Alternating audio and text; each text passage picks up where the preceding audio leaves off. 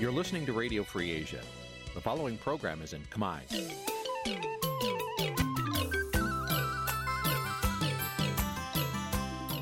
Nǐ ជាកម្មវិធីផ្សាយ Vuthu Azizi Serai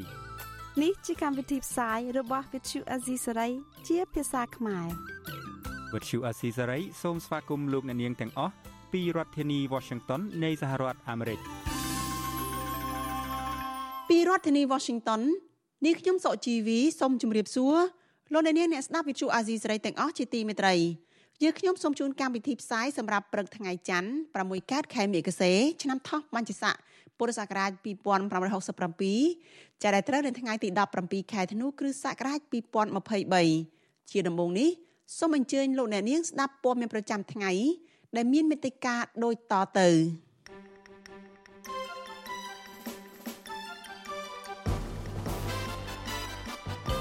ជប៉ុនចង់បង្កើនកិច្ចសហប្រតិបត្តិការជាមួយកម្ពុជាលើវិស័យសន្តិសុខនិង Digital សកម្មជនដីធ្លីថាកាកបាទក្រហមដឹកនាំដោយអ្នកស្រីប៊ុនរ៉ានីចែកអំណោយគ្មានដំណាភាពជនជាតិចិនមួយចំនួននៅតែបង្កអសន្តិសុខដល់សង្គមគណៈរដ្ឋាភិបាលរំពឹងទេសចរចិនជួយជំរុញសេដ្ឋកិច្ចជាតិ បរដ្ឋមួយចំនួននៅខេត្តកំពង់ចាមរកចំណូលពីដើមត្នោតដើម្បីរកប្រាក់ដោះស្រាយជីវភាពរួមនឹងព័ត៌មានសំខាន់សំខាន់មួយចំនួនទៀតជាបន្តទៅទៀតនេះនាងខ្ញុំសុជីវីសូមជូនព័ត៌មានទាំងនេះពិស្ដាលោកអ្នកនាងកញ្ញាជាទីមេត្រីពលរដ្ឋខ្មែររស់នៅប្រទេសជប៉ុនជិត600នាក់កាលពីថ្ងៃទី17ខែធ្នូម្សិលមិញ បានប្រមូលផ្ដុំគ្នាធ្វើបាតុកម្មនៅកណ្ដាលទីក្រុងតូក្យូប្រឆាំងនឹងវត្តមានលោកហ៊ុនម៉ាណែតដែលពួកគាត់អះអាងថាគឺជាមេដឹកនាំអសមត្ថភាពធ្វើឲ្យប្រជាធិបតេយ្យនៅកម្ពុជាដើរថយក្រោយមន្ត្រីបកកណ្ដាលអំណាចថាការធ្វើបាតុកម្មនេះគឺជារឿងមិនបានការពីព្រោះមានពលរដ្ឋខ្មែរច្រើនអ្នកបានចូលរួមគាំទ្រលោកហ៊ុនម៉ាណែតចាលោកមានរិទ្ធរាយការណ៍ព័ត៌មាននេះ ពលរដ្ឋខ្មែរទាំងនោះបានប្រមូលផ្ដុំគ្នាធ្វើបាតកម្មប្រឆាំងនឹងវត្តមានលោកហ៊ុនម៉ាណែតនៅក្នុងកិច្ចប្រជុំកំពូលរំលឹកខួបអនុស្សាវរីយ៍អាស៊ានជប៉ុនអបអរសាទរឆ្នាំទី50នៃមិត្តភាពនិងកិច្ចសហប្រតិបត្តិការអាស៊ានជប៉ុនពួកគេទាមទារឲ្យមានការគោរពសិទ្ធិមនុស្សនិងដោះលែងអ្នកទោសនយោបាយឲ្យមានសេរីភាព ក្រុមអ្នកចូលរួមធ្វើបាតកម្មទាំងនោះនាំគ្នាលើកទង់ជាតិខ្មែរនិងជប៉ុនអ្នកខ្លះកាន់រូបថតអ្នកទស្សនយោបាយនិងកាន់បដាដោយភ្ជាប់មកជាមួយរូបថតលោកហ៊ុនម៉ាណែតដែលសរសេរខ្លឹមសារថានាយករដ្ឋមន្ត្រីកាត់ចេញពីការបោះឆ្នោតខ្លាំងខ្លាយ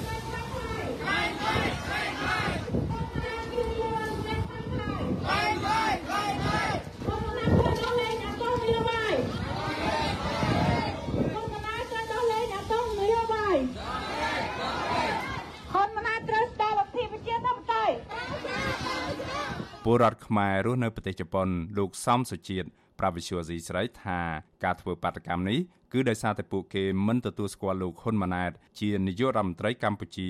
ពីព្រោះការបោះឆ្នោតនាពេលកន្លងទៅ ប្រព្រឹត្តទៅដោយមិនសេរីមិនយុត្តិធម៌និងមិនត្រឹមត្រូវនោះឡើយ លោកបន្តថាគឺជារឿងឈឺចាប់បំផុតនៅពេលដែលពលរដ្ឋខ្មែរចេញទាមទារសេរីភាពពីរដ្ឋាភិបាលកម្ពុជាក៏ប៉ុន្តែបែរជារងនឹងការធ្វើបាប ការចាប់ដាក់ពន្ធនាគារនិងការប្រើអំពើហិង្សាទៅលើពួកគាត់ទៅវិញអ្វីដែលជាងឈឺចាប់នោះគឺឃើញបងប្អូនដែលជាជនភៀសខ្លួនមករស់នៅលើទឹកដីជប៉ុននេះក៏សឹងតែជា ជនរងគ្រោះដែលឈឺចាប់ហើយមិនមានយុទ្ធធម៌ឡើយសូម្បីតែពន្លឺនៃយុទ្ធធម៌ហើយមិនត្រឹមតែប៉ុណ្ណោះគេតាមបំបិតសិទ្ធិយើងគេតាមបំបិតមាត់របស់យើងមិនអោយចូលរួមតវ៉ាឬក៏ធ្វើសកម្មភាពអីទេគឺតែងតែមានការគម្រាមកំហែងទៅដល់គ្រួសារជាដើមបាទលោកសំសុជាតិបន្ថែមថាពួកគេគ្រោងដាក់ញត្តិទៅក្រសួងការបរទេសជប៉ុនបន្តទៀតដើម្បីបង្ហាញពីក្តីព្រួយបារម្ភអំពីការរំលោភសិទ្ធិមនុស្ស ការបំបិតសិទ្ធិសេរីភាពជាមូលដ្ឋាន និងការផាត់ចោលគណៈបកភ្លើងទៀនមិនឲ្យចូលរួមការប្រកួតប្រជែងនៅក្នុងការបោះឆ្នោតជាដើមអ្នកចូលរួមធ្វើបាតកម្មម្នាក់ទៀតគឺលោកស្រីខាតសំនៀងថ្លែងថាក្រៅពីទាមទារឲ្យរដ្ឋាភិបាលលោកហ៊ុនម៉ាណែតដោះលែងអ្នកទោសនយោបាយឲ្យមានសេរីភាពឡើងវិញពួកគាត់ក៏ចង់ឃើញរដ្ឋាភិបាលកម្ពុជា អនុវត្តឲ្យមានដំណាភាពនិងកិត្តគូពីទុកលំបាករបស់ពលរដ្ឋខ្មែរជាធំ លោកស្រីសោកស្ដាយដែលរដ្ឋាភិបាលកម្ពុជា យកចិត្តទុកដាក់លើពលរដ្ឋវៀតណាមដែលរស់នៅខុសច្បាប់នៅលើទឹកដីកម្ពុជានិងបង្កលក្ខណៈងាយស្រួលដល់ពួកគេ ដែលផ្ទុយពីពលរដ្ឋខ្មែរមួយចំនួន ដែលចេញតវ៉ាទាមទាររកយុត្តិធម៌បែជារដ្ឋាភិបាលមិនអើពើលោកស្រីបន្ថែមថាប្រសិនបើរដ្ឋាភិបាលពិតជាគ្រប់សិទ្ធិមនុស្សនឹងអាចដោះស្រាយទុក្ខលំបាករបស់ពលរដ្ឋខ្មែរមនុស្សលោកស្រីក៏មិនចេញធ្វើបាតកម្មនោះដែរចង់ មានស្ដារលទ្ធិប្រជាធិបតេយ្យពិតប្រាកដនៅប្រទេសកម្ពុជាហើយនឹងចង់បានសិទ្ធិសេរីភាពនិងសូមឲ្យលោកហ៊ុនម៉ាណែតដោះលែងអ្នកទោសមនសិការដូចជាលោកថៃจิតាកញ្ញាឈឹមស៊ីធននិងកញ្ញាសេងជារីអីជាដើមចាសូមឲ្យកុំឲ្យមានចោតប្រកាន់ទៅលើអ្នកទោសនយោបាយទាំងអស់ បាតកម្មសម្ដែងមតិរបស់ពលរដ្ឋខ្មែរនេះមានការចូលរួមឃ្លាំមើលពីអាជ្ញាធរជប៉ុនប្រមាណ50នាក់ដើម្បីជួយសម្រួលចរាចរណ៍ឲ្យពលរដ្ឋខ្មែរដើរដង្ហែក្បួននៅជុំវិញសួនហ៊ីប៊ីយ៉ានិងមានអ្នកកសែតជប៉ុនមួយចំនួនចូលរួមយកព័ត៌មានផងដែរ ឆ្លើយតបនឹងបញ្ហានេះអ្នកនាំពាក្យគណៈបកប្រជាជនកម្ពុជា លោកសុវ័យសានយល់ឃើញថាការធ្វើបាតកម្មនេះមិនឆ្លុះបញ្ចាំងពីការពិតនោះឡើយពីព្រោះលោកអះអាងថាមានអ្នកមកគាំទ្រលោកហ៊ុនម៉ាណែតច្រើនជាងអ្នកចូលរួមធ្វើបាតកម្ម ចំណុចទី3ត្រង់ថាអស់លោកអ្នកមួយចំនួនតូចដែលមិនទទួលស្គាល់លទ្ធផលបោះឆ្នោតវាហួសពេលទៅហើយពីព្រោះការបោះឆ្នោតនឹងបានចប់សពគ្រប់មានការវាយតម្លៃពីជាតិនិងអន្តរជាតិណាហើយគេទទួលស្គាល់លទ្ធផលបោះឆ្នោតថាប្រព្រឹត្តទៅដោយសេរីត្រឹមត្រូវនិងយុត្តិធម៌និងគ្មានអំពើហិង្សាបើទោះបីជាលោកសុវ័យសានថ្លែងការពីលោកហ៊ុនម៉ាណែត ថាមានចំនួនមនុស្សមកស្វាគមន៍លោកហ៊ុនម៉ាណែតរាប់ពាន់នាក់យ៉ាងណាក្តីក៏ពលរដ្ឋខ្មែរនៅជប៉ុនអះអាងថាមន្ត្រីហែហោមលោកហ៊ុនម៉ាណែតបានប្រើប្រាស់ថវិកាជាតិដើម្បីជួលក្រុមអ្នកគាំទ្រទាំងនោះឲ្យមកស្វាគមន៍លោកហ៊ុនម៉ាណែតជាថ្នូវនឹងការទទួលបានថវិកាត្រឡប់ទៅវិញជុំវិញបញ្ហានេះ នាយកទទួលបន្ទុកកិច្ចការទូតនៃអង្គការសិទ្ធិមនុស្សលីកាដូលោកអំសមាត មានប្រសាសន៍ថាពលរដ្ឋធ្វើបាតកម្មបែបនេះគឺជារឿងមិនចំណេញនោះទេ នៅពេលដែលរដ្ឋាភិបាល មិនទទួលយកការរិះគន់របស់ពលរដ្ឋដើម្បីកែលម្អចំណុចខ្វះខាតផ្ទុយទៅវិញលោកថាមានតែការខាត់បងនឹងធ្វើឲ្យមេដឹកនាំមានកេរ្តិ៍ឈ្មោះមិនល្អនៅលើឆាកអន្តរជាតិទៅវិញទេ បាទបើខ្ញុំមើលទៅថាបើសិនជារាជរដ្ឋាភិបាលនិងអាជ្ញាធរកម្ពុជានៅតែច្រានចោលនៅរាល់ការលើកឡើងឬក៏សំណូមពរផ្សេងផ្សេងទាក់ទងនឹងការកែលម្អទៅលើបញ្ហាសិទ្ធិមនុស្សនិងលទ្ធិជាតិបតៃអានឹងវាធ្វើឲ្យបញ្ហាលទ្ធិជាតិបតៃនិងបញ្ហាសិទ្ធិមនុស្សនឹងវាកាន់តែធ្លាក់ចុះទៅណាអានឹងគឺវាជាការខាត់បងបន្ថែមទៀតសម្រាប់កម្ពុជាឬក៏ទទួលបានផលប្រយោជន៍ផ្សេងផ្សេង ក្នុងចំណោមប្រទេសជាសមាជិកអាស៊ាន ដែលចូលរួមកិច្ចប្រជុំកំពូលរំលឹកខួបអនុស្សាវរីយ៍អាស៊ានជប៉ុនអបអរសាទរឆ្នាំទី50នៃមិត្តភាពនិងកិច្ចសហប្រតិបត្តិការអាស៊ានជប៉ុន ដែលប្រព្រឹត្តទៅនៅទីក្រុងតូក្យូមានតែវត្តមានលោកហ៊ុនម៉ាណែតប៉ុណ្ណោះដែលមានពលរដ្ឋធ្វើបាតកម្មប្រឆាំងនឹងលោកពលគឺខុសពីមេដឹកនាំនៅបណ្ដាប្រទេសផ្សេងទៀតដែលទទួលបានការស្វាគមន៍ពីពលរដ្ឋរបស់ខ្លួន បញ្ហានេះគឺដោយសារតែលោកហ៊ុនម៉ាណែត មិនគោរពសិទ្ធិមនុស្សនិងរដ្ឋបិទសិទ្ធិសេរីភាពអ្នកនយោបាយក្រមពលរដ្ឋនៅក្រៅប្រទេសអំពាវនាវឲ្យលោកហ៊ុនម៉ាណែតបើកលំហសិទ្ធិសេរីភាពនយោបាយដើម្បីឲ្យមានការចូលរួមប្រកួតប្រជែងនៅក្នុងការបោះឆ្នោតដោយសេរីយុត្តិធម៌និងត្រឹមត្រូវខ្ញុំបាទមេរិត Visual C ស្រីពីរដ្ឋធានី Washington លោកអ្នកនាងកញ្ញាប្រិយមិត្តអ្នកស្ដាប់ជាទីមេត្រី ជប៉ុនចង់បង្កើនកិច្ចសហប្រតិបត្តិការកាន់តែខ្លាំងបន្ថែមទៀតជាមួយកម្ពុជា លើវិស័យសន្តិសុខ Digital និងវិធានការផ្នែកសន្តិសុខព័ត៌មានវិទ្យាជប៉ុនចង់ឲ្យមានការផ្លាស់ប្ដូររវាងប្រជាជននិងប្រជាជនវប្បធម៌និងបញ្ញារវាងប្រទេសទាំងពីរឲ្យកាន់តែរឹងមាំថែមទៀតតាមរយៈកម្មវិធីភាពជាដៃគូនិងការផ្លាស់ប្ដូរការអប់រំសម្រាប់មនុស្សចំនួនថ្មី។ ការបង្ហាញពីចេតនាបង្កើនកិច្ចសហប្រតិបត្តិការនេះធ្វើឡើងនៅក្នុងជំនួបទ្វេភាគីមួយរវាងរដ្ឋមន្ត្រីការបរទេសជប៉ុន អ្នកស្រីកាមីកាវ៉ាយូកូនិងរដ្ឋមន្ត្រីការបរទេសកម្ពុជាលោកសុកចិន្តាសភានៅឯក្រសួងការបរទេសជប៉ុនកាលពីថ្ងៃទី17ខែធ្នូប្រទេសជប៉ុនកំពុងរៀបចំកិច្ចប្រជុំកំពូលរំលឹកខួបអនុស្សាវរីយ៍អាស៊ានជប៉ុនដើម្បីអបអរឆ្នាំទី50នៃមិត្តភាព និងកិច្ចសហប្រតិបត្តិការអាស៊ានជប៉ុននៅទីក្រុងតូក្យូពីថ្ងៃទី16ដល់ថ្ងៃទី18ខែធ្នូក្រសួងការបរទេសជប៉ុនឲ្យដឹងតាមរយៈសេចក្តីប្រកាសព័ត៌មានកាលពីថ្ងៃទី17ខែធ្នូថាភាគីទាំងពីរបានគូបញ្ជាក់ពីការធ្វើការរួមគ្នាដើម្បីពង្រឹងភាពជាដៃគូយុទ្ធសាស្ត្រគ្រប់ជ្រុងជ្រោយរវាងប្រទេសទាំងពីរ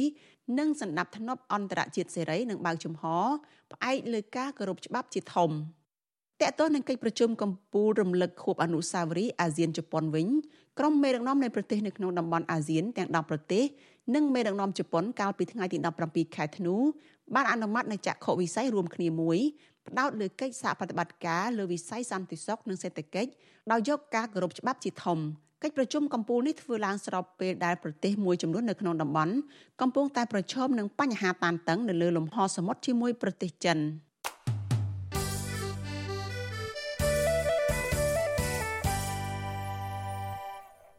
លោកនាងកញ្ញាជាទីមេត្រីជាព័ត៌មានតកតនឹងចំណាត់ការលើមន្ត្រីពុករលួយវិញម្ដង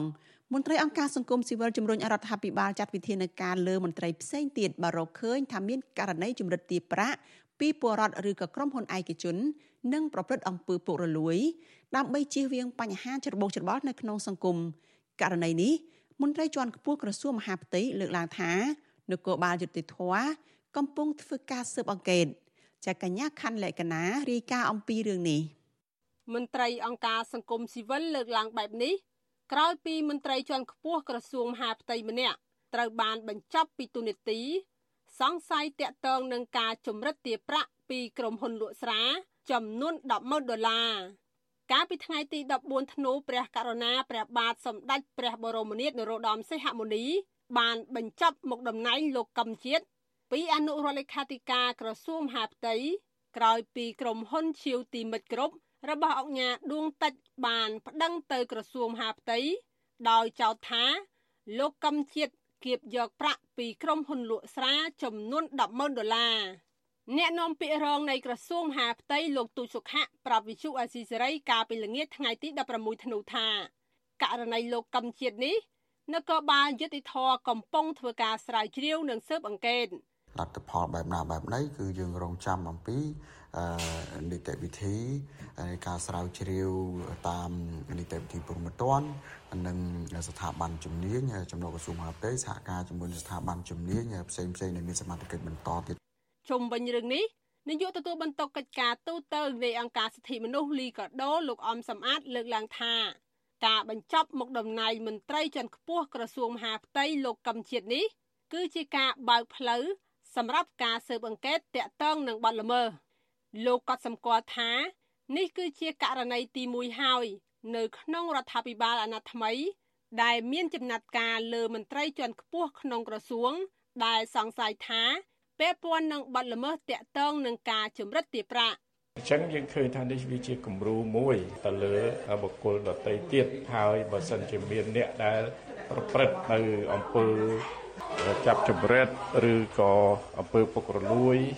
ផ្សេងផ្សេងចឹងគឺសូមឲ្យរាជរដ្ឋាភិបាលចាត់វិធានការតាមផ្លូវច្បាប់ឲ្យបានជាដាច់ខាតពីព្រោះតកតងនឹងបញ្ហាទាំងអស់នេះវាជាហតិពលនិងគេឈ្មោះមិនល្អសម្រាប់រាជរដ្ឋាភិបាលទេបាទរីឯប្រធានមជ្ឈមណ្ឌលប្រជាពលរដ្ឋដើម្បីអភិវឌ្ឍនិងសន្តិភាពលោកយ៉ងកំឯងប្រាប់វិទ្យុអាស៊ីសេរីនៅថ្ងៃទី17ធ្នូថា កត្តាដែលនាំឲ្យមន្ត្រីមួយចំនួន ចេះតែហ៊ានប្រព្រឹត្តបទល្មើសដោយសារតែអំពើពុករលួយបពពួកនិយមអាងខ្នងការពារ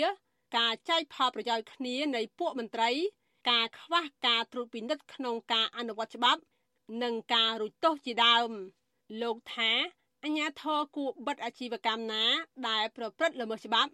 ដើម្បីកុំឲ្យបទល្មើសកើតឡើងនិងធានាថា ការអនុវត្តនេះ បានត្រឹមត្រូវតាមច្បាប់គណៈករណីជំរិតទាប្រាក់ជាថ្នូរនឹងអនុញ្ញាតឲ្យបើកអាជីវកម្មនេះ មិនមែនទៅនឹងកើតឡើងឡើយលោកយ៉ងកំឯងថារដ្ឋាភិបាលគួរចាត់វិធានការដាក់ទោសទណ្ឌឲ្យបានតឹងរឹងលើមន្ត្រីទាំងឡាយណា ដែលខົບខិតគ្នាដើម្បីផលប្រយោជន៍ផ្ទាល់ខ្លួនប្រកាន់ណាតាអឺឲ្យគាត់រួចខ្លួន ហើយមិនមានវិការចាត់វិធានការណាមួយទេហ្នឹងគឺថ្ងៃក្រោយទៅខ្លាយទៅជាទីកន្លែងដែលមន្ត្រីនាំគ្នា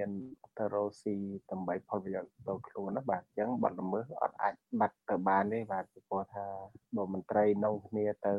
ទទួលផលប្រយោជន៍យកបាត់ល្មើសហ្នឹងគឺធ្វើជារបររកស៊ីអានោះគឺសង្គមយើងអាចនឹងច្បុកច្បល់ជាសំខាន់បាទ លោកកំជាតិជាអនុរដ្ឋលេខាធិការក្រសួងមហាផ្ទៃនិងជាអនុប្រធានគណៈកម្មាធិការប្រយុទ្ធប្រឆាំងផលិតផលคล้ายៗត្រូវបានព្រះមហាក្សត្របញ្ចប់តួនាទីក្រោយពីមានបណ្ដឹងរបស់ក្រុមហ៊ុនឈីវទីមិចគ្រប់ទៅក្រសួងមហាផ្ទៃដោយចោទប្រកាន់មន្ត្រីជាន់ខ្ពស់ក្រសួងមហាផ្ទៃរូបនេះអំពីការចម្រិតទារប្រាក់ចំនួន100000ដុល្លារពីក្រុមហ៊ុនមួយនេះ កាលពីខែវិច្ឆិកាឆ្នាំ2021ក្រុមហ៊ុនឈីវទីមិចគ្រប់របស់អង្គញាដួងតិចដែលត្រូវជាកូនលោកដួងឈៀវស្ថាបនិកក្រុមហ៊ុនឈៀវទីមិចគ្រប់វិនិយោគលើវិស័យជាច្រើនដូចជា ការនាំចេញចូលការអភិវឌ្ឍវិនិយោគអចលនទ្រព្យកសិកម្មសំណង់ទេសចរធានារ៉ាប់រង និងការដឹកជញ្ជូនជាដើមខ្ញុំខណ្ឌលក្ខណាវិសុអាស៊ីសេរី លោកអ្នកនាងកញ្ញាជាទីមេត្រីសេចក្តីរាយការណ៍ពីខេត្តបាត់ដំបងឯណោះចាមន្ត្រីអង្គការសង្គមស៊ីវិលអំពាវនាវដល់អាជ្ញាធរពាក់ព័ន្ធឲ្យបញ្ឈប់ការធ្វើទុកបុកម្នេញលើព្រះសង្ឃដែលចូលរួមធម្មយាត្រាលើកកម្ពស់សិលធម៌សង្គមនិងសិទ្ធិមនុស្សហើយងាកមកបើកលំហសេរីភាព និងលើកទឹកចិត្តពលរដ្ឋក្នុងការចូលរួមការងារសង្គមវិញ សំណើនេះធ្វើឡើងបន្ទាប់ពីសមត្ថកិច្ចបានចុះទៅស្វែងរកប្រនាមព្រះសង្ឃនៅតាមវត្តមួយចំនួន ក្នុងខេត្តបាត់ដំបង ដែលនិមន្តចូលរួមការងារដើម្បីជាប្រយោជន៍ជាតិនាពេលកន្លងមកចាលោកច័ន្ទដារ៉ូរាយការណ៍អំពីរឿងនេះមន្ត្រីសង្គមស៊ីវិលព្រួយបារម្ភខ្លាចអាញាធរឬមន្ត្រីសង្ឃខេត្តបាត់ដំបងចោតប្រកាន់បណ្ដេញចេញពីវត្តឬចាប់សឹកចំពោះប្រសង់ប្រើប្រាស់សិទ្ធិសេរីភាពចូលរួមធម្មយាត្រាផ្សព្វផ្សាយអប់រំអំពីសិទ្ធិមនុស្សនិងលើកកម្ពស់សិលធម៌សង្គមកន្លងទៅ ប្រធានសមាគមសម្ព័ន្ធនិស្សិតបញ្ញវន្តខ្មែរ លោកកៅសរាយថ្លែងថាព្រះសង្ឃនិងយុវជនដែលចូលរួមសកម្មភាពអប់រំតាមបែបព្រះពុទ្ធសាសនា ដើម្បីផ្សព្វផ្សាយអំពើល្អនិងជំរុញឲ្យគិតគូរដោះស្រាយរឿងសិទ្ធិរបស់ពលរដ្ឋគួរទទួលបានការលើកទឹកចិត្តតែអាញាធរបែរជាបង្កើតរូបភាពលងបន្លាចរដ្ឋបិទលើសិទ្ធិសេរីភាពទៅវិញលោកថាទង្វើរបស់អាញាធរធ្វើទុកបុកម្នេញលើព្រះសង្ឃចូលរួមកិច្ចការងារសង្គមម្ដងហើយម្ដងទៀត គឺជារូបភាពនយោបាយដោយសារអាញាធរមួយចំនួន មានជំងឺភ័យខ្លាចនឹងស្រមោលអាក្រក់នាពេលកន្លងទៅ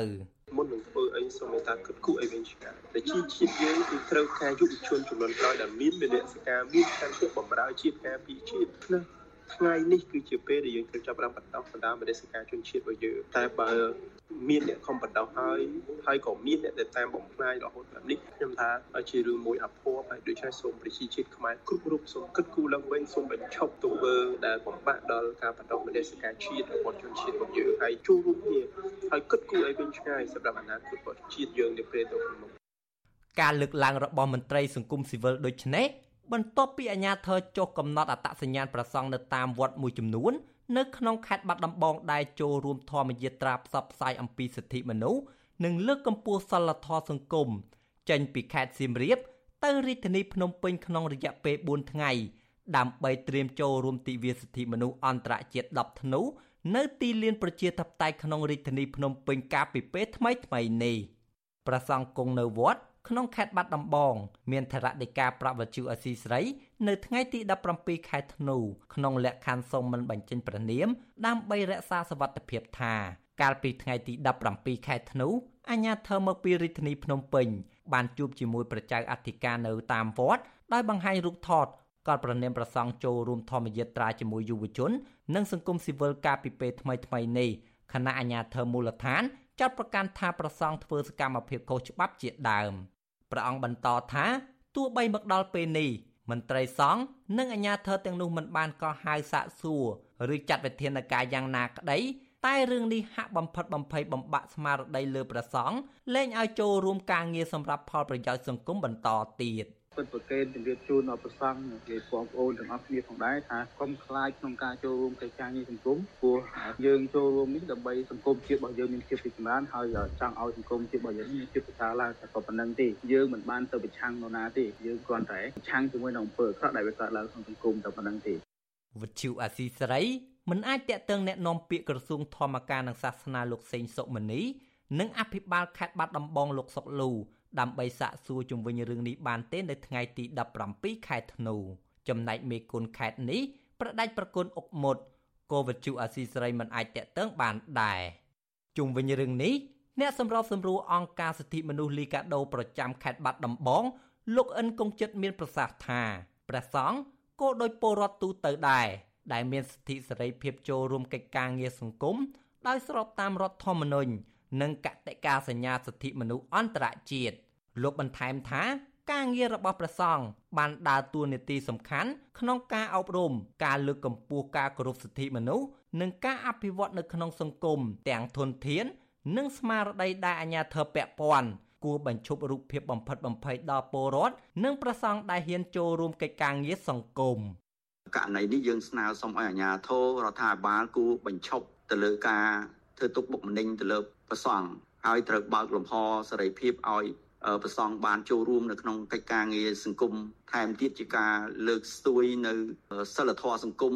ដើម្បីសុខដុមរមនានិងចូលរួមចំណែកកសាងនូវសន្តិភាពសន្តិភាពនៅក្នុងសង្គមជាតិបាទធម្មយាត្រាផ្សព្វផ្សាយមេត្តាចិត្តផ្សារភ្ជាប់នឹងសិទ្ធិមនុស្សរៀបចំឡើងដោយមន្ត្រីសង្គមស៊ីវិលយុវជនសង្គមនិងសកម្មជនគណៈបកប្រឆាំងជាបន្តបន្ទាប់មកនេះដោយសារពួកគេមើលឃើញថាសិលធម៌និងការរំលោភបំពានសិទ្ធិមនុស្ស អំពើហិង្សានៅតែបន្តកើតឡើងស្ទើរគ្រប់រូបភាពនៅក្នុងសង្គមដោយពុំមានការថមថយអ្វីឡើយចំណែកករណីគម្រាមកំហែងប្រសង់ចូលរួមកិច្ចការងារសង្គមបានកាត់ឡើងជាបន្តបន្ទាប់គួរឲ្យព្រួយបារម្ភ ជាក់ស្ដែងប្រដេចប្រគុណសយសាទត្រូវបានប្រជើអធិការបណ្ដេញចេញពីវត្តព្រោះតែព្រះអង្គចូលរួមធម្មយាត្រាលើកកម្ពស់សិលធម៌សង្គមជាមួយសមាគមគ្រូបង្រៀនកម្ពុជាឯករាជ្យដឹកនាំដោយលោករងឈុនកាលពីដើមឆ្នាំ2023ពីខែក្រោយមក សមត្ថកិច្ចខេត្តបាត់ដំបង បានខាត់ប្រកាយនិងចាប់ផ្សឹកព្រះអង្គនៅស្រុកមុងឫស្សីនៅពេលព្រះអង្គនិមន្តធ្វើធម្មយាត្រាផ្សព្វផ្សាយមេត្តាធម៌និងទាមទាររកដំណោះស្រាយជាតិ ហើយបច្ចុប្បន្នព្រះអង្គកំពុងកិច្ចប្រកាយពីការប៉ុនប៉ងធ្វើទុកបុកម្នេញរបស់អាជ្ញាធរមន្ត្រីសិទ្ធិមនុស្សទទូចឲ្យអាជ្ញាធរបញ្ឈប់ការលាបពណ៌ចោតប្រកាន់និងគំរាមកំហែងលើប្រសង់ដែលគ្រាន់តែធ្វើការងារដើម្បីឲ្យសង្គមមានយុត្តិធម៌ចង់ឲ្យរដ្ឋាភិបាលងាកមកដើរតាមកន្លងប្រជាធិបតេយ្យគោរពសិទ្ធិមនុស្សនិងជំរុញឲ្យអ្នកនយោបាយគ្រប់ភាគីទាំងអស់ងាកមកផ្សះផ្សាចិត្តឡើងវិញខ្ញុំបាទ ច័ន្ទដារោវុទ្ធុអាស៊ីសេរីលោកអ្នកនាងកំពុងស្ដាប់វិទ្យុអាស៊ីសេរីផ្សាយចេញពីរដ្ឋធានី Washington សហរដ្ឋអាមេរិករដ្ឋាភិបាលលោកហ៊ុនម៉ាណែតរំពឹងលើភ្ញៀវទេសចរចិនជាអ្នករួមចំណែកសំខាន់ជំរុញសេដ្ឋកិច្ចជាតិហើយក្នុងឆ្នាំ2024ខាងមុខនេះភាគីកម្ពុជានិងចិនបានឯកភាពគ្នា ផ្លាស់ប្តូរប្រជាជន ដើម្បីឈានដល់ការកសាងសេដ្ឋកិច្ចនិងជោគវាសនាជាតិរួមគ្នាថែមទៀតផងប៉ុន្តែអ្នកខ្លំមើលលើកឡើងថា ទន្ទឹមរដ្ឋាភិបាលផ្ដោតសំខាន់តែទៅលើទេសចរចិនក្នុងការជួយជំរុញសេដ្ឋកិច្ចជាតិនោះជនជាតិចិនមួយចំនួនដែលកំពុងរស់នៅកម្ពុជា បានបង្កអសន្តិសុខសង្គមធ្វើឲ្យប៉ះពាល់ដល់សេដ្ឋកិច្ចនិងបង្កការភ័យខ្លាចដល់ទេសចរជាតិនិងអន្តរជាតិចាសសូមអញ្ជើញលោកអ្នកនាងកញ្ញារងចាំស្ដាប់សេចក្តីរាយការណ៍នេះពិស្ដានៅក្នុងការផ្សាយរបស់យើងនៅពេលបន្តិចទៀតនេះ។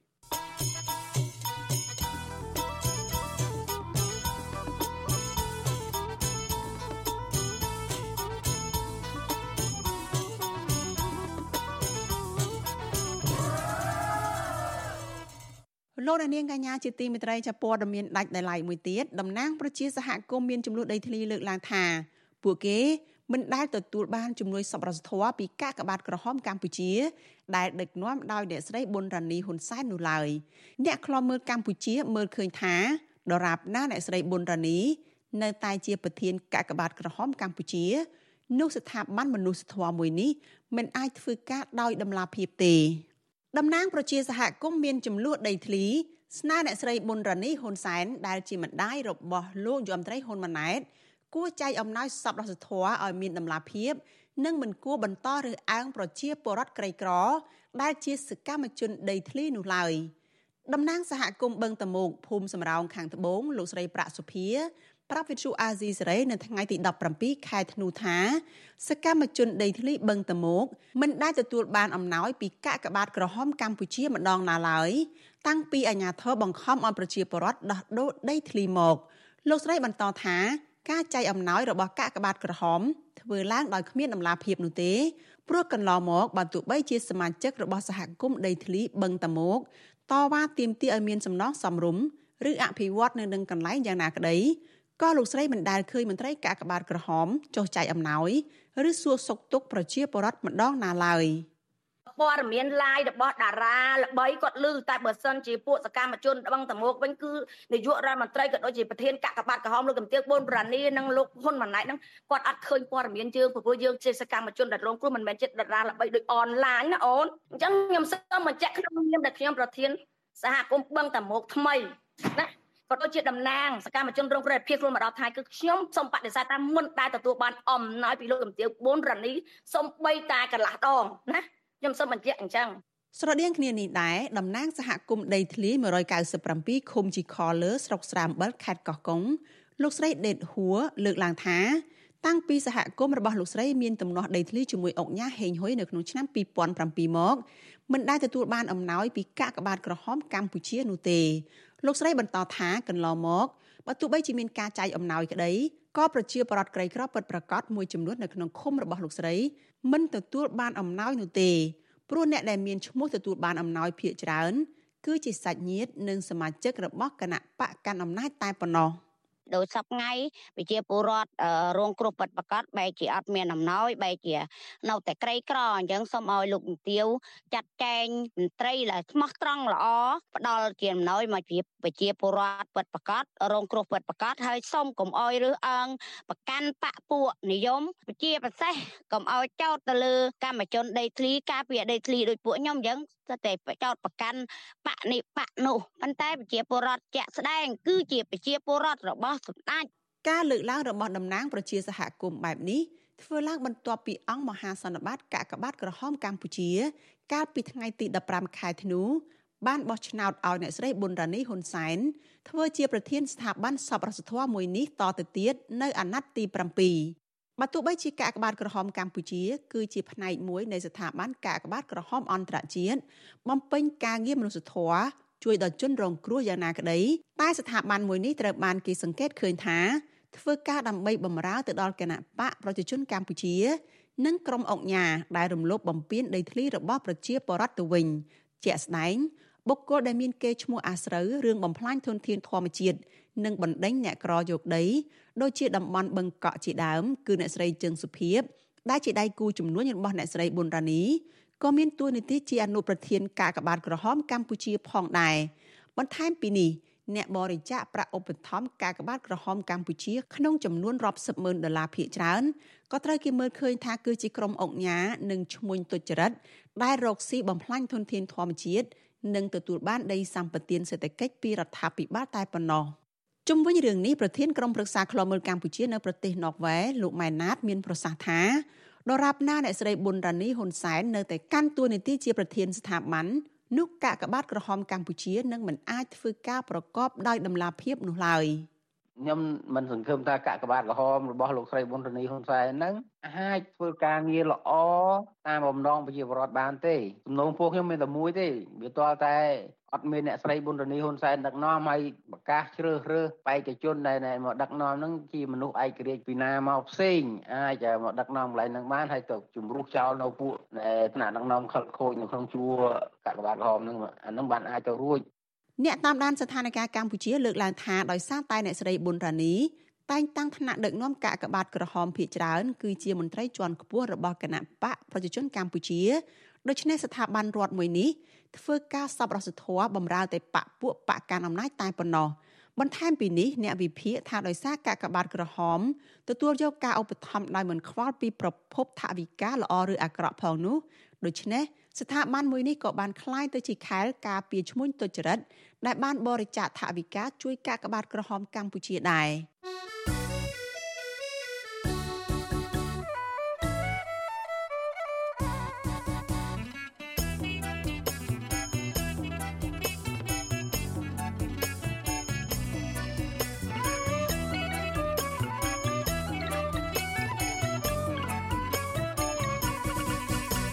លោកនាងកញ្ញាជាទីមេត្រីសេចក្តីរាយការណ៍ពីខេត្តបាត់ដំបងឲ្យដឹងថាមន្ត្រីអង្គការសង្គមស៊ីវិលទទូចឲ្យអាជ្ញាធរនៅក្នុងខេត្តបាត់ដំបងបង្កើនការយកចិត្តទុកដាក់ចំពោះពលរដ្ឋនិងភ្ញៀវទេសចរដើម្បីបង្ការគ្រោះថ្នាក់លង់ទឹក ការលើកឡើងនេះបន្ទាប់ពីសិស្សសាលាចំនួន4នាក់នៅខេត្តបាត់ដំបងបានលង់ទឹកស្លាប់នៅពេលពួកគេទៅលេងកម្សាន្តនៅតំបន់ទេសចរនៅក្នុងស្រុករតនមណ្ឌលចាលោកមានរិទ្ធមានសេចក្តីរាយការណ៍មួយទៀតអំពីរឿងនេះ បញ្ហាគ្រោះថ្នាក់ដែលបណ្ដាលមកពីការលង់ទឹកតែងតែកើតមានជារឿយៗនៅតាមប្រភពទឹក ស្ទឹង បឹង ទន្លេ និងរមណីយដ្ឋាននានាហើយបញ្ហានេះនៅតែកើតមានឡើងចំពោះពលរដ្ឋទូទៅ ជាពិសេសសិស្សានុសិស្សអ្នកសម្របសម្រួលផ្នែកឃ្លាំមើលការរំលោភសិទ្ធិមនុស្សនៃអង្គការលីកាដូប្រចាំខេត្តបាត់ដំបងលោកអិនគង្ជិតប្រាវិសុវស៊ីស្រីនៅថ្ងៃទី17ខែធ្នូថា ហេតុការសិស្សានុសិស្សចំនួន6នាក់លង់ទឹកនិងបានបាត់បង់ជីវិតចំនួន4នាក់នៅស្រុករតនមណ្ឌលនេះគឺជាការដាស់តឿនដល់សិស្សានុសិស្សឲ្យប្រុងប្រយ័ត្នចំពោះគ្រោះថ្នាក់ដែលបណ្ដាលមកពីការលង់ទឹកនិងជាសារណែនាំដល់អាណាព្យាបាលឲ្យតាមដានវត្តមានរបស់កូនកូននៅសាលារៀនជាមួយគ្រូបន្ទុកថ្នាក់ លោកបន្ថែមថានាយកសាលាក៏គួរតែបង្កើនការគ្រប់គ្រងលោកគ្រូអ្នកគ្រូឲ្យបានល្អជាពិសេសនៅពេលដែលលោកគ្រូអ្នកគ្រូអវត្តមានមិនបានមកបង្រៀនសិស្សត្រូវរកគ្រូផ្សេងមកបង្រៀនជំនួសបើសិនជាក្មួយឬចៅបានសិក្សាជាប់ម៉ោងនៅក្នុងសាលាហើយគួរតែស្រោតរូតរះត្រឡប់ទៅផ្ទះបីបានអាណាព្យាបាលក៏ដឹងឮផងហើយដើម្បីជួយការងាររបស់ពុកម្ដាយផង ប្រសិនបើគាត់ចេញពីសាលាគាត់ទៅណាទៅណីសូមក្មួយក្មួយឬចៅគួរតែផ្ដល់ដំណឹងទៅអាណាព្យាបាលរបស់ខ្លួនឪពុកម្ដាយរបស់ខ្លួនឲ្យបានដឹងព្រោះអីឪពុកម្ដាយនៅផ្ទះគាត់ដឹងថាជាប់ម៉ោងសិក្សាគឺនឹងឃើញវត្តមានកូនអីត្រឡប់មកវិញអញ្ចឹងណា ការលើកឡើងនេះធ្វើឡើងក្រោយពីមានសិស្សានុសិស្សនៃវិទ្យាល័យហ៊ុនសានត្រែងស្ថិតនៅក្នុងស្រុករតនមណ្ឌលចំនួន6នាក់បានទៅលេងទឹកនៅក្បែរទំនប់ពហុបំណងសេកសក្នុងឃុំត្រែងបណ្ដាលឲ្យលង់ទឹកនិងបាត់បង់ជីវិតចំនួន4នាក់ អភិបាលស្រុករតនមណ្ឌលលោកគុយវ៉ាណូប្រាវិសុអាស៊ីស្រីយ៉ាងខ្លីថាលោកនិងក្រុមការងារបានយកអំណោយមនុស្សធម៌ទៅចែកជូនគ្រួសារជនរងគ្រោះដែលបានបាត់បង់ជីវិតបណ្ដាលមកពីការលង់ទឹកនេះហើយ ទោះជាយ៉ាងនេះក្តីអ្នកសម្របសម្រួលផ្នែកឃ្លាំមើលការរំលោភសិទ្ធិមនុស្សនៃអង្គការ Liga do ប្រចាំខេត្តបាត់ដំបងលោកអិនគង្ជិតស្នើថាអាជ្ញាធរគួរតែដាក់សញ្ញាសម្គាល់ឬសញ្ញាប្រយ័ត្នលង់ទឹកនិងបង្កើនការយកចិត្តទុកដាក់ដោយចុះល្បាតនៅតំបន់គ្រោះថ្នាក់ដែលមានអ្នកទេសចរឬពលរដ្ឋប្រើប្រាស់ទឹកច្រើន អាជ្ញាធរមូលដ្ឋានដូចជាភូមិឃុំ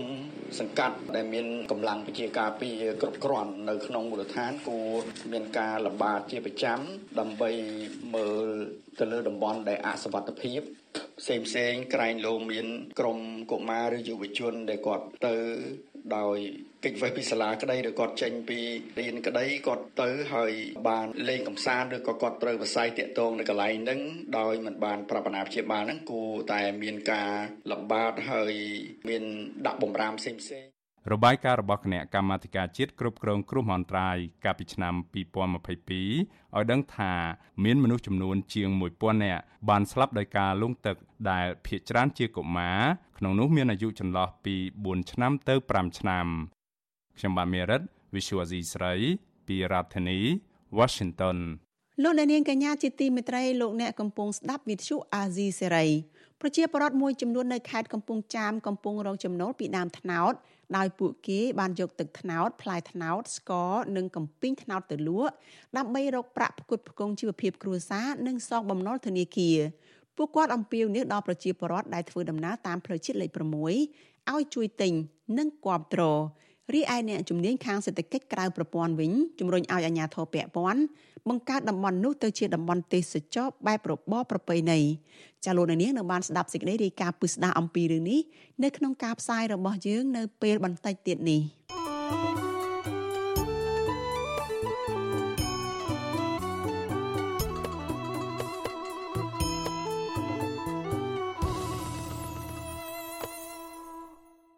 លោកអ្នកនាងកញ្ញាជាទីមេត្រីរដ្ឋាភិបាលលោកហ៊ុនម៉ាណែតរំពឹងលើភ្ញៀវទេសចរចិនជាអ្នករួមចំណែកសំខាន់ជំរុញសេដ្ឋកិច្ចជាតិហើយនៅក្នុងឆ្នាំ2024ខាងមុខនេះភាគីកម្ពុជាចិន បានឯកភាពគ្នា ផ្លាស់ប្តូរប្រជាជន ដើម្បីឈានដល់ការកសាងសេដ្ឋកិច្ចនិងជោគវាសនាជាតិរួមគ្នាថែមទៀតផងប៉ុន្តែអ្នកខ្លំមើលលើកឡើងថាទន្ទឹមរដ្ឋាភិបាលផ្ដោតសំខាន់តែទេសចរចិនក្នុងការជំរុញសេដ្ឋកិច្ចជាតិនោះ ជនជាតិចិនមួយចំនួនដែលកំពុងរស់នៅកម្ពុជា បានបង្កអសន្តិសុខសង្គមធ្វើឲ្យប៉ះពាល់ដល់សេដ្ឋកិច្ចនិងបង្កការភ័យខ្លាចដល់ទេសចរអន្តរជាតិនិងទេសចរជាតិចាលោកមានរិទ្ធមានសេចក្តីរាយការណ៍ដាច់ដライមួយទៀតអំពីរឿងនេះ។ មន្ត្រីសង្គមស៊ីវិលនិងអ្នកធ្វើការផ្នែកវិស័យទេសចរជំរុញដល់រដ្ឋាភិបាលលោកហ៊ុនម៉ាណែតឲ្យធ្វើកំណែទម្រង់ប្រព័ន្ធដឹកនាំផ្ទៃក្នុង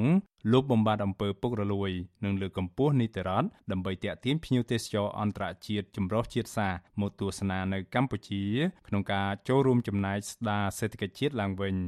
ពួកគាត់មិនរំពឹងថាភ្ញៀវទេសចរចិនតែមួយអាចជំរុញសេដ្ឋកិច្ចជាតិឲ្យរីកចម្រើននោះទេ ប្រធានមជ្ឈមណ្ឌលប្រជាពលរដ្ឋដើម្បីអភិវឌ្ឍនិងសន្តិភាពលោកយងកំឯងលើកឡើងថាបញ្ហានៃការបាញ់បោះដោយសេរីការកាប់សម្លាប់មនុស្សដោយជនបរទេសមួយចំនួននៅក្នុងសង្គមកម្ពុជាជាបន្តបន្ទាប់បានធ្វើឲ្យប៉ះពាល់ទាំងកេរ្តិ៍ឈ្មោះនិងសេដ្ឋកិច្ចជាតិធ្ងន់ធ្ងរ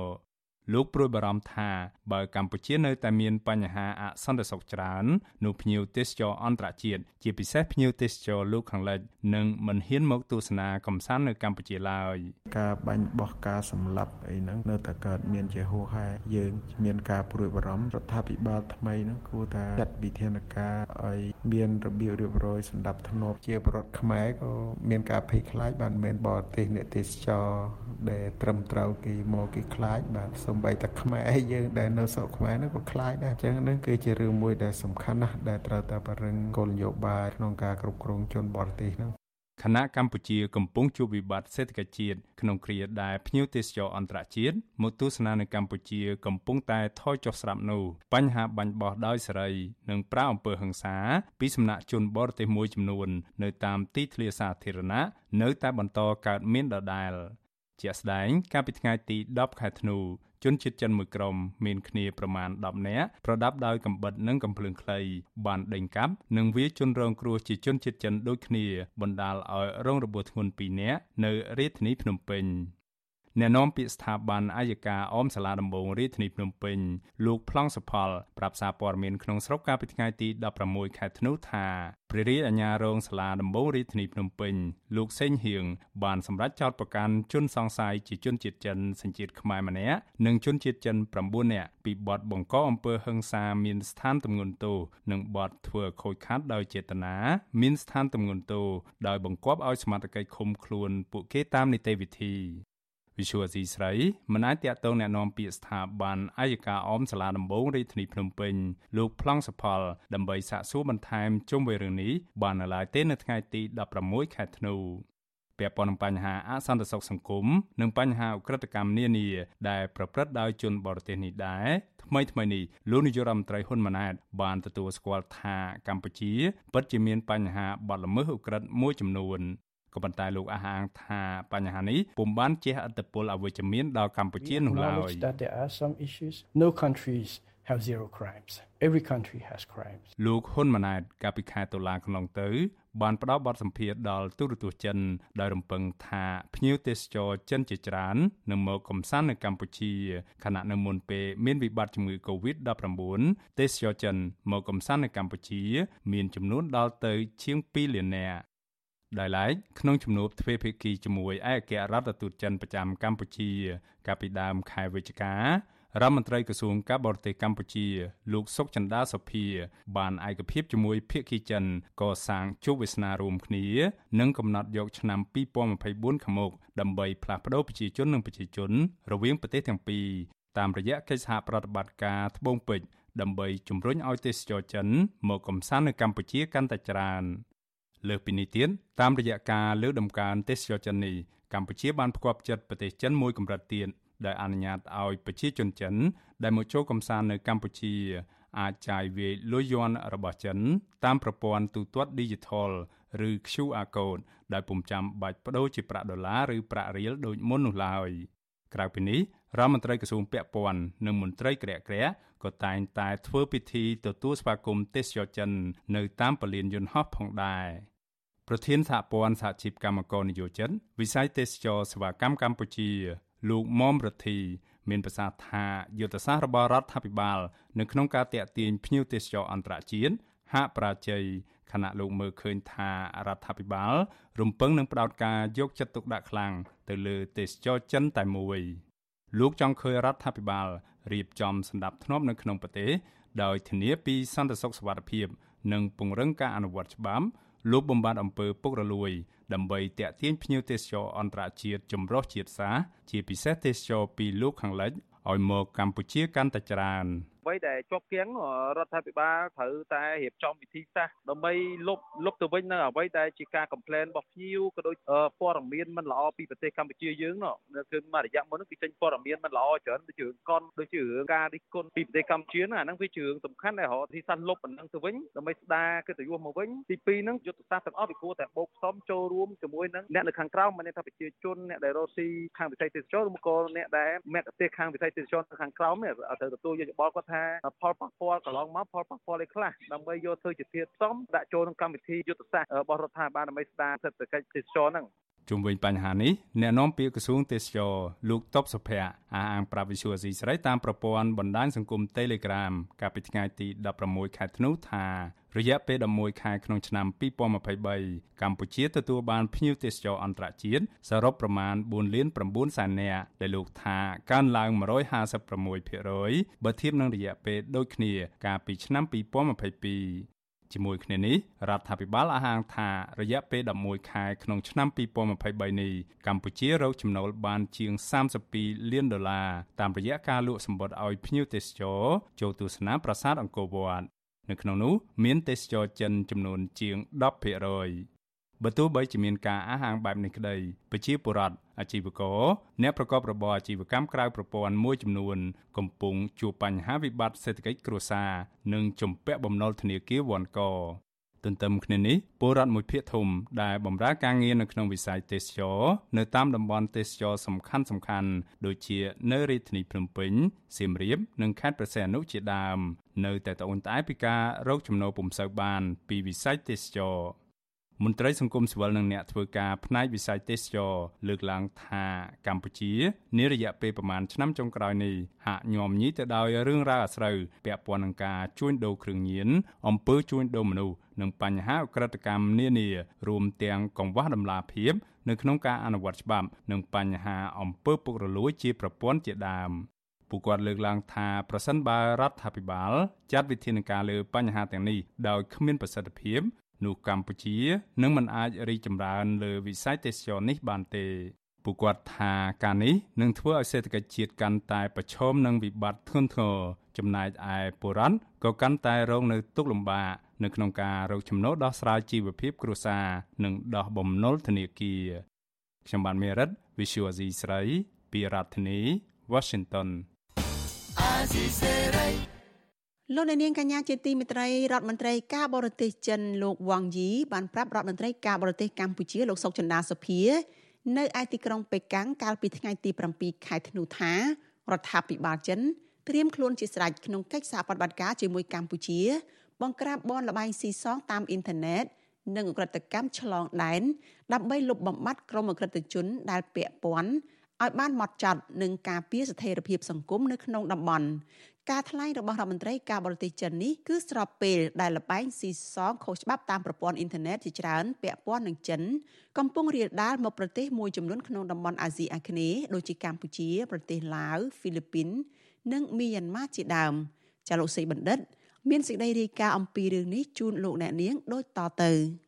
អង្គការសិទ្ធិមនុស្សក្រៅរដ្ឋាភិបាលនិងគណៈបកនយោបាយមួយចំនួនចង់ឃើញរដ្ឋាភិបាលកម្ពុជាចាត់វិធានការបង្ក្រាបលបាយស៊ីសងខុសច្បាប់តាមប្រព័ន្ធអ៊ីនធឺណិតដែលជាជំរកនៃអំពើឧក្រិដ្ឋកម្មជំរិតទារប្រាក់អំពើឆបោក និងការជួញដូរមនុស្សឲ្យមានប្រសិទ្ធភាព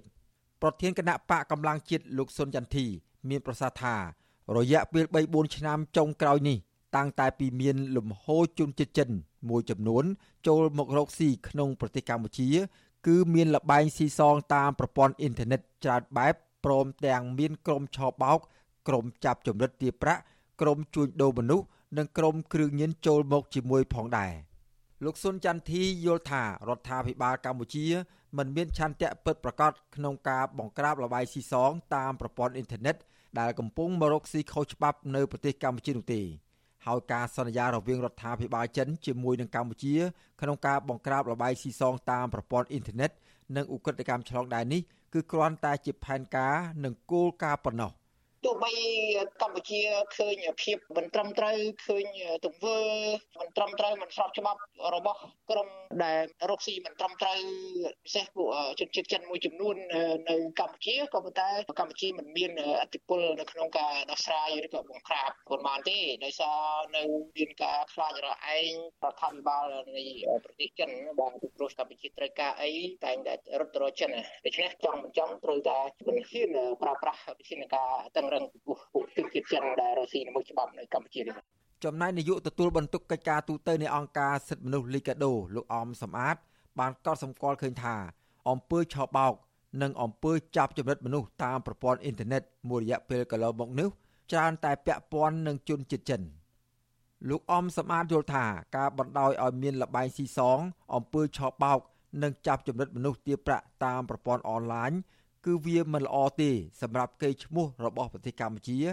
ហើយលោកចង់ឃើញរដ្ឋាភិបាលអនុវត្តវិធានការច្បាប់តឹងរឹងដើម្បីបង្ក្រាបឲ្យមានប្រសិទ្ធភាព មើលការបដិញ្ញាឆន្ទៈហើយនឹងការសហការដែលពិតប្រាកដនៅក្នុងការបង្ក្រាបនិងការទប់ស្កាត់ជនប្រព្រឹត្តដែលទាក់ទងនឹងជនជាតិចិនណាគឺអាចធ្វើបានឲ្យតែបំបត្តិនៅអំពើពុករលួយកុំឲ្យកើតមានពាក់ព័ន្ធជាមួយបទល្មើសទាំងអស់ហ្នឹងហើយធានាថាជនដែលប្រព្រឹត្តបទល្មើសទាំងអស់ហ្នឹងត្រូវបានកាត់ទោសទៅតាមផ្លូវច្បាប់ដើម្បីផ្ដល់យុត្តិធម៌សម្រាប់ជនរងគ្រោះនិងអំពើទាំងអស់ហ្នឹងណា ការលើកឡើងរបស់គណៈបកនយោបាយនៅអង្គការសិទ្ធិមនុស្សយ៉ាងដូចនេះបន្ទាប់ពីថ្ងៃទី7ខែធ្នូនៅពេលជួបប្រជុំរដ្ឋមន្ត្រីការបរទេសនៃកិច្ចសហប្រតិបត្តិការមេគង្គឡានឆាង លើកទី8នៅទីក្រុងប៉េកាំងរដ្ឋមន្ត្រីការបរទេសចិន លោកវ៉ាងយីបានប្រាប់រដ្ឋមន្ត្រីការបរទេសកម្ពុជា លោកសុកចិន្តាសោភាថារដ្ឋាភិបាលចិន បានត្រៀមខ្លួនរួចជាស្រេចក្នុងកិច្ចសហការជាមួយកម្ពុជា និងប្រទេសដទៃទៀត ក្នុងការបង្ក្រាបលបែងស៊ីសងតាមប្រព័ន្ធអ៊ីនធឺណិតនិងឧក្រិដ្ឋកម្មឆ្លងដែនដើម្បីលុបបំបាត់ក្រុមឧក្រិដ្ឋជន ដែលពាក់ព័ន្ធឲ្យបានម៉ត់ចត់និងការពារស្ថិរភាពសង្គមនៅក្នុងតំបន់អ្នកវិភាគឯករាជ្យជើងចាស់លោកបណ្ឌិតឡៅម៉ុងហៃមានប្រសាសន៍ថាអ្វីបើរដ្ឋាភិបាលកម្ពុជា បង្ហាញឆន្ទៈបង្ក្រាបទៅលើសកម្មភាពលបាយស៊ីសងអំពើឆបោក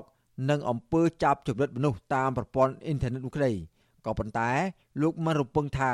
នឹងមានប្រសិទ្ធភាពនោះទេពីព្រោះសមត្ថកិច្ចកម្ពុជាបច្ចុប្បន្នមានសមត្ថភាពមិនទាន់គ្រប់គ្រាន់លើជំនាញបង្ក្រាបករណីឧក្រិដ្ឋកម្មឆ្លងដែននៅឡើយទេដូចយើងទៅសប្តាហ៍នេះគឺគឺជាបកាបត់បានតែទៅក្នុងពីជនទុច្ចរិតនេះបាទមកតាមមើលទៅនេះជាអកតកម្ម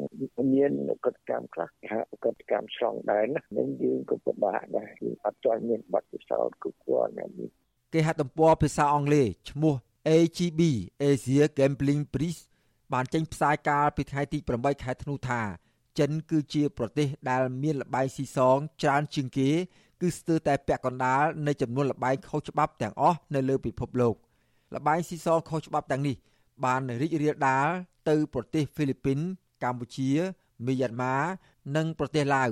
ដោយប៉ាន់ប្រមាណជាទឹកប្រាក់ប្រហែល425,000លានដុល្លារអាមេរិក នៅក្នុងប្រទេសកម្ពុជាលបាយស៊ីសងខុសច្បាប់តាមប្រព័ន្ធអ៊ីនធឺណិតបានកើតមានខ្លាំងចាប់តាំងពីមានលំហូរជនជាតិចិនចូលមករកស៊ីនៅក្នុងខេត្តព្រះសីហនុកាលពី3 4ឆ្នាំមុននេះវត្តមានជនជាតិចិនមួយចំនួន កំពុងធ្វើឲ្យកម្ពុជា មានវិបត្តិសង្គមជាច្រើន និងអំពើឧក្រិដ្ឋកម្មដូចជាអំពើឆបោកអំពើចាប់ចរិតមនុស្សតាមប្រព័ន្ធអ៊ីនធឺណិតការបាញ់សម្លាប់មនុស្សអំពើជួញដូរគ្រឿងញៀននិងការជួញដូរមនុស្ស ព្រមទាំងការលាងលុយកខ្វក់ជាដើមទោះយ៉ាងណាវិទ្យុអាស៊ីសេរីនៅពុំទាន់អាចសុំការអធិប្បាយពីអ្នកនាំពាក្យក្រសួងមហាផ្ទៃលោកទូចសុខៈនិងអ្នកនាំពាក្យក្រសួងការបរទេសលោកអានសុខឿនបាននៅឡើយទេនៅថ្ងៃទី26ខែធ្នូដោយសារតែលោកទាំងពីរមិនទទួលទូរស័ព្ទក៏ប៉ុន្តែកាលពីខែសីហាឆ្នាំ2019ក្រសួងមហាផ្ទៃនៃប្រទេសកម្ពុជាធ្លាប់បានប្រកាសបិទអាជីវកម្មលបែងស៊ីសងតាមប្រព័ន្ធអ៊ីនធឺណិត ធ្វើឲ្យជនជាតិចិនប្រមាណ40ម៉ឺននាក់ចាក់ចេញពីខេត្តប្រសេនុនៅដើមឆ្នាំ2020នាយកអង្គការសិទ្ធិមនុស្សអាត6លោកនីសុខា មានប្រសាសន៍ថាបើទោះបីជារដ្ឋាភិបាលធ្លាប់មានចំណាត់ការ បង្ក្រាបលបែងស៊ីសងតាមប្រព័ន្ធអ៊ីនធឺណិតធ្វើឲ្យជនជាតិចិនជាច្រើនម៉ឺននាក់នៅខេត្តប្រសេនុបានចាក់ចេញក្តីក៏ប៉ុន្តែបច្ចុប្បន្ននេះនៅតាមកន្លែងជាច្រើន គឺនៅតែមានលបែងស៊ីសង និងអំពើចាប់ចម្រិតមនុស្សទារប្រាក់ តាមអ៊ីនធឺណិតកើតមាននៅឡើយលោកនីសុខាចង់ឃើញសមត្ថកិច្ចរដ្ឋាភិបាលអនុវត្តវិធានការច្បាប់ឲ្យបានម៉ឺងម៉ាត់ក្នុងការបង្ក្រាបលបែងស៊ីសង និងអំពើចាប់ចម្រិតមនុស្សទារប្រាក់តាមប្រព័ន្ធអ៊ីនធឺណិតទាំងនោះឲ្យមានប្រសិទ្ធភាព កម្ពុជាមិនគួរคลายទៅជាទីតាំងនៃកន្លែងដែលមិនត្រឹមត្រូវឬក៏កន្លែងដែលប្រព្រឹត្តនៅអំពើធ្វើឲ្យមានភាពអសន្តិសុខដែលវាអាចជះឥទ្ធិពលមិនល្អមកដល់ប្រទេសយើងពិសេសគឺវាអាចជះឥទ្ធិពលទៅដល់បញ្ហាភ្ញៀវទេសចរផ្សេងផ្សេងឬក៏អ្នកចង់ចូលមកក្នុងប្រទេសយើងដែលគេមានការបារម្ភអំពីបញ្ហាអសន្តិសុខទាំងអស់ហ្នឹងទេអញ្ចឹងយើងចង់ឃើញរដ្ឋាភិបាលកម្ពុជា មានធានការ ឲ្យបានច្បាស់លាស់និងឲ្យបានម៉ឺងម៉ាត់កុំឲ្យមានជនប្រព្រឹត្តឬក៏អ្នកដែលនៅពីក្រោយខ្នងនៃការប្រព្រឹត្តអំពើទាំងអស់នឹងណាមួយត្រូវបានរួចខ្លួនបាទនេះដែលយើងចង់ឃើញអង្គការសិទ្ធិមនុស្សឲ្យដឹងទៀតថាការបណ្តែតបណ្តោយឲ្យលបាយស៊ីសងតាមប្រព័ន្ធអ៊ីនធឺណិតនៅតែបន្តកើតមានយ៉ាងដូចនេះបានធ្វើឲ្យក្រមប្រឹក្សាអង្គការសហប្រជាជាតិទទួលបន្ទុកសិទ្ធិមនុស្សក៏មានកង្វល់ព្រមទាំងចេញរបាយការណ៍ស្ដីពីការកើនឡើងនៃអំពើឆបោកការចាប់ចម្រិត និងបទល្មើសផ្សេងៗទៀតតាមប្រព័ន្ធអ៊ីនធឺណិតនៅប្រទេសកម្ពុជាដែរ។អង្គការសិទ្ធិមនុស្សយល់ឃើញថាអំពើឆបោកការចាប់ចម្រិតមនុស្សតាមប្រព័ន្ធអនឡាញរួមទាំងការបាញ់សម្លាប់និងអំពើជួញដូរមនុស្សជាដើមក្រៅតែពីធ្វើឲ្យកម្ពុជាប៉ះពាល់កេរ្តិ៍ឈ្មោះយ៉ាងខ្លាំងវាក៏ធ្វើឲ្យប៉ះពាល់ដល់សន្តិសុខនិងសុវត្ថិភាពរបស់ប្រជាពលរដ្ឋព្រមទាំងធ្វើឲ្យភ្ញៀវទេសចរនិងអ្នកវិនិយោគទុនបរទេសភ័យខ្លាចមិនហ៊ានចូលមកលេង និងរកស៊ីនៅប្រទេសកម្ពុជាថែមទៀតខ្ញុំបាទសេកបណ្ឌិតវិទ្យុអាស៊ីសេរីពីរដ្ឋធានីវ៉ាស៊ីនតោន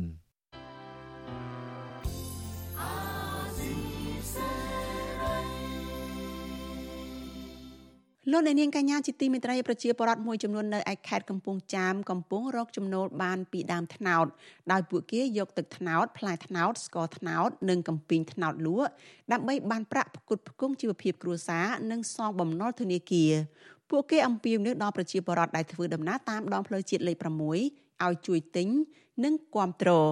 ចារីឯអ្នកជំនាញខាងសេដ្ឋកិច្ចក្រៅប្រព័ន្ធជំរុញឲ្យអាជ្ញាធរពាក់ព័ន្ធបង្កើតតំបន់នោះ ទៅជាតំបន់ទេសចរបែបរបបប្រពៃណីចាលោកជីវតារាយការណ៍អំពីរឿងនេះបើគេធ្វើដំណើរនៅលើដងផ្លូវជាតិលេខ6ចម្ងាយប្រមាណ60គីឡូម៉ែត្រពីទីក្រុងភ្នំពេញនោះនឹងឃើញប្រជាពលរដ្ឋរស់នៅភូមិផ្អាវឃុំផ្អាវស្រុកបាធាយខេត្តកំពង់ចាមសង់រោងតូចតូចតម្រៀបគ្នាជាជួរនៅតាមដងផ្លូវដោយមានដាក់លក់ទឹកត្នោតផ្លែត្នោតស្ករត្នោត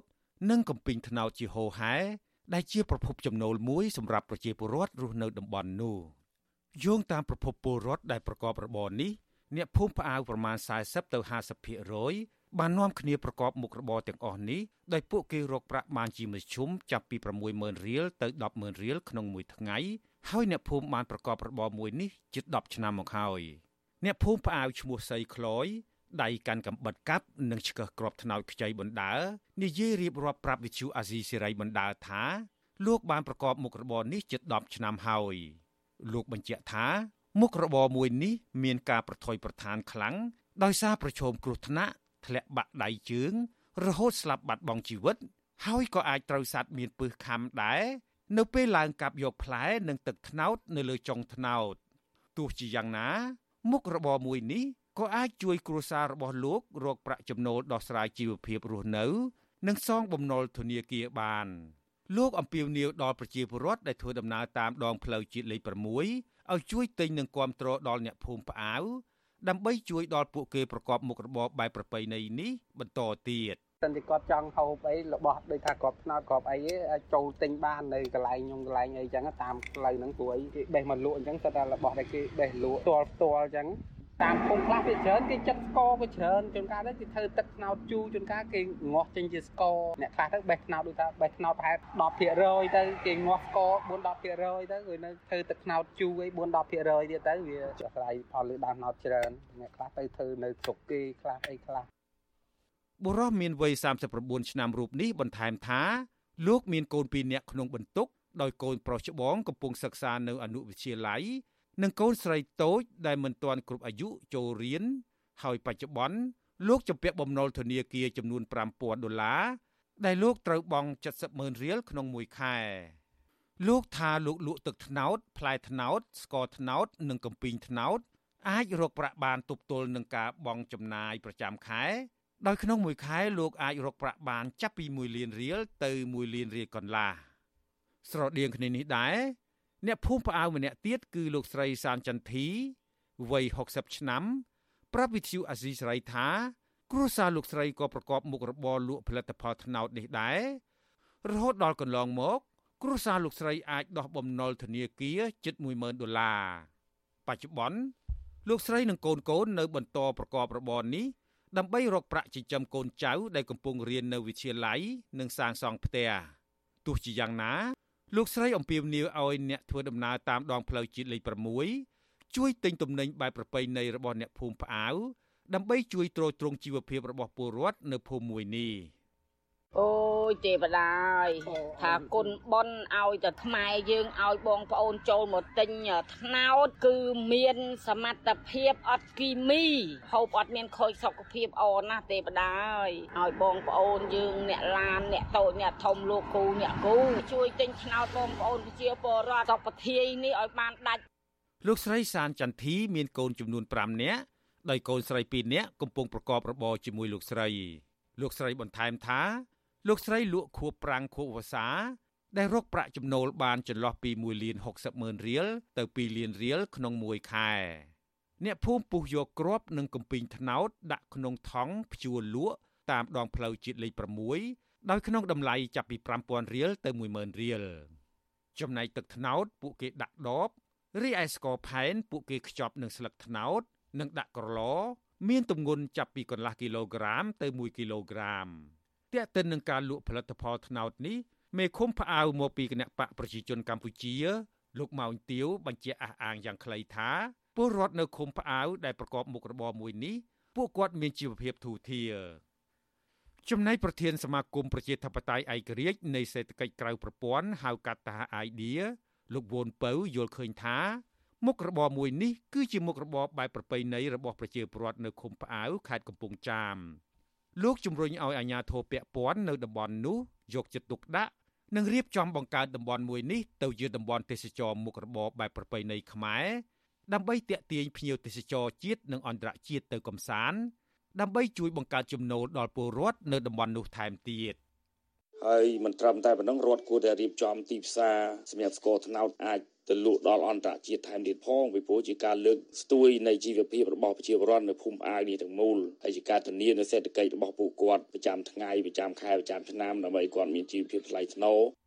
បើទោះជាមុខរបរមួយនេះมันមានភាពស៊ីវិល័យដូចមុខរបរដទៃទៀតក៏ពិតមែនក៏ប្រជាពលរដ្ឋរស់នៅឃុំផ្អាវប្រមាណ40ទៅ50%ពេញចិត្តក្នុងការប្រកបមុខរបរបែបប្រពៃណីនេះ ដែលក្នុងនោះអ្នកខ្លះឡើងកាប់ផ្លែត្នោតនិងយកទឹកត្នោតធ្វើជាស្ករដើម្បីបោះដុំលក់បន្តទៅខេត្តផ្សេងទៀតក្រៅពីទឹកត្នោតស្ករត្នោតផ្លែត្នោតនិងកំពីងត្នោតដើមត្នោតក៏បានផ្ដល់ផលប្រយោជន៍ដល់ជីវភាពរស់នៅរបស់ប្រជាពលរដ្ឋផងដែរដូចជាស្លឹកត្នោតអាចយកមកដេរផ្គុំគ្នា សម្រាប់ប្រក់លំនៅឋាន ឬសំណង់ផ្សេងផ្សេងធ្វើជាកន្ទេលជាលដាក់ស្រូវមួក កន្ត្រកផ្លិត និងខ្ចប់នំជាដើម ចំណែកឯធៀងថ្នោតធ្វើជាខ្សែគោឬធ្វើជាចំណងចងរបង និងវត្ថុផ្សេងផ្សេង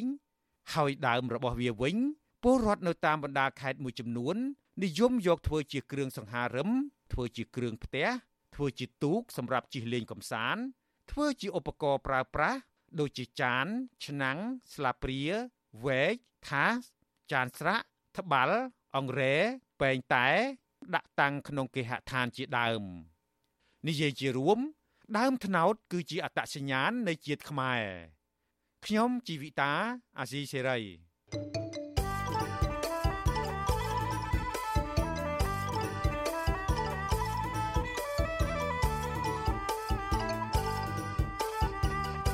លោកអ្នកនាងកញ្ញាប្រិយមិត្តអ្នកស្ដាប់ជាទីមេត្រី ការផ្សាយរយៈពេល1ម៉ោងរបស់វិទ្យុអាស៊ីសេរីជាភាសាខ្មែរនៅព្រឹកនេះចាប់ត្រឹមតែប៉ុណ្ណេះនាងខ្ញុំសុជីវីព្រមទាំងក្រុមការងារទាំងអស់របស់វិទ្យុអាស៊ីសេរីចាសសូមជូនពរដល់លោកអ្នកនាងកញ្ញានិងក្រុមគ្រួសារទាំងអស់សូមប្រកបតែនឹងសេចក្តីសុខសុភមង្គលនិងសុខភាពល្អកុំបីឃ្លៀងឃ្លាតឡើយចា៎នេះខ្ញុំសូមអរគុណនិងសូមជម្រាបលា